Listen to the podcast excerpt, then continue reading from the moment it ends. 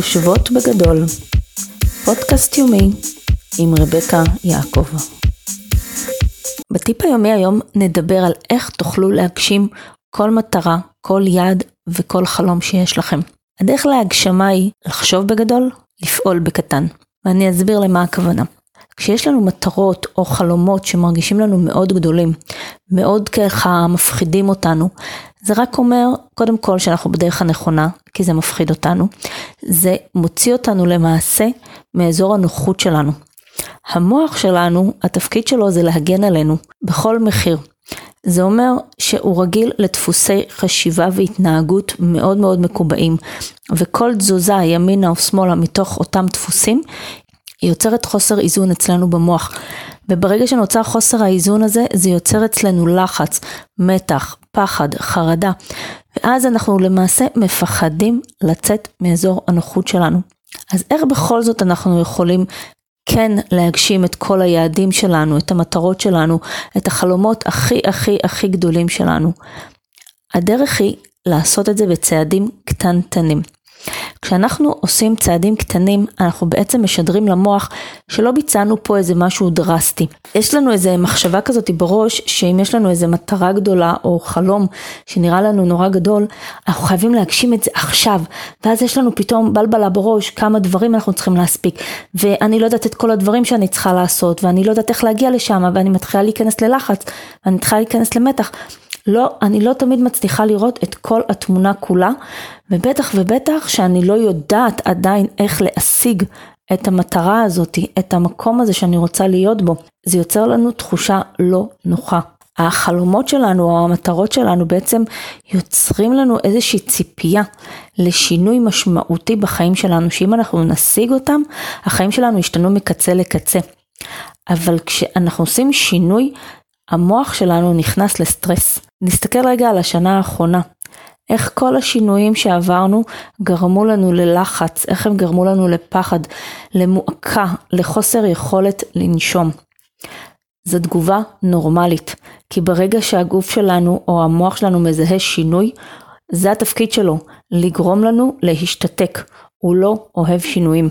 אז כשיש לנו איזשהו חלום שהוא נראה נורא גדול ומאיים, אז במקום לוותר עליו ולהגיד אין סיכוי שאני אגיע אליו, צריך להתחיל לחשוב אחרת. להתחיל בצעדים קטנטנים, ממש ממש קטנים. הדרך הנכונה היא קודם כל לשאול את עצמכם דבר ראשון בבוקר, כל בוקר במשך 30 ימים לפחות, מה הפעולה הכי קטנה שאני יכול לבצע על מנת להגיע לחלום שלי, על מנת להגשים או לממש את החלום שלי. ואחרי שתחזרו על השאלה הזאת שוב ושוב ושוב, פתאום אתם תגלו את הדבר הקטנטן הזה, ובקטן אני מדברת ממש ממש קטן. אני אתן לכם סיפור מהחיים שלי. תמיד הסתכלתי על כל האנשים שרצים בקנאה, באמת, כל מי שרץ, אני מורידה את הכובע בפניו ואני אומרת וואי, הלוואי והייתי יכולה, אני רצה שתי מטר ואני צריכה שיזמינו לי אמבולנס. לא מסוגלת, יכולה לעשות ספורט הליכות, יכולה לעשות ספורט אחר, אבל אני לא מסוגלת לרוץ, זה פשוט לא בא לי באופן טבעי. וכל פעם שניסיתי להתחייב לעצמי לגבי אה, ריצה, איכשהו הייתי מוצאת לעצמי צידוקים והסברים למה אני לא יכולה לעשות את זה. וכל מה שרציתי זה בעצם לרוץ סביב המושב שאני גרה בו, שזה משהו כמו אה, פחות או יותר 4 קילומטר. אם הייתי מתחילה ישר לרוץ את הארבע קילומטרים האלה, יכול להיות שהייתי עושה את זה פעם אחת, יכול להיות שהייתי עושה את זה פעם שנייה, ואז הגוף שלי היה שובק ואומר לי, מספיק, לא בשבילך, את לא יכולה לעשות את זה. אבל הפעם עשיתי ההפך, עשיתי בשיטת הצעדים הקטנים. שאלתי את עצמי מה הדבר הכי קטן שאני יכולה לעשות על מנת להגיע למצב שאני רצה את המושב, תוך uh, תקופה מסוימת. אז התשובה שעלתה לי היא להתחיל בקטן, להתחיל לרוץ כל יום חצי דקה. זה נשמע מצחיק, זה נשמע מגוחך, והאמת, אם מישהו היה מסתכל עליי מהצד, הוא היה נקרע מצחוק.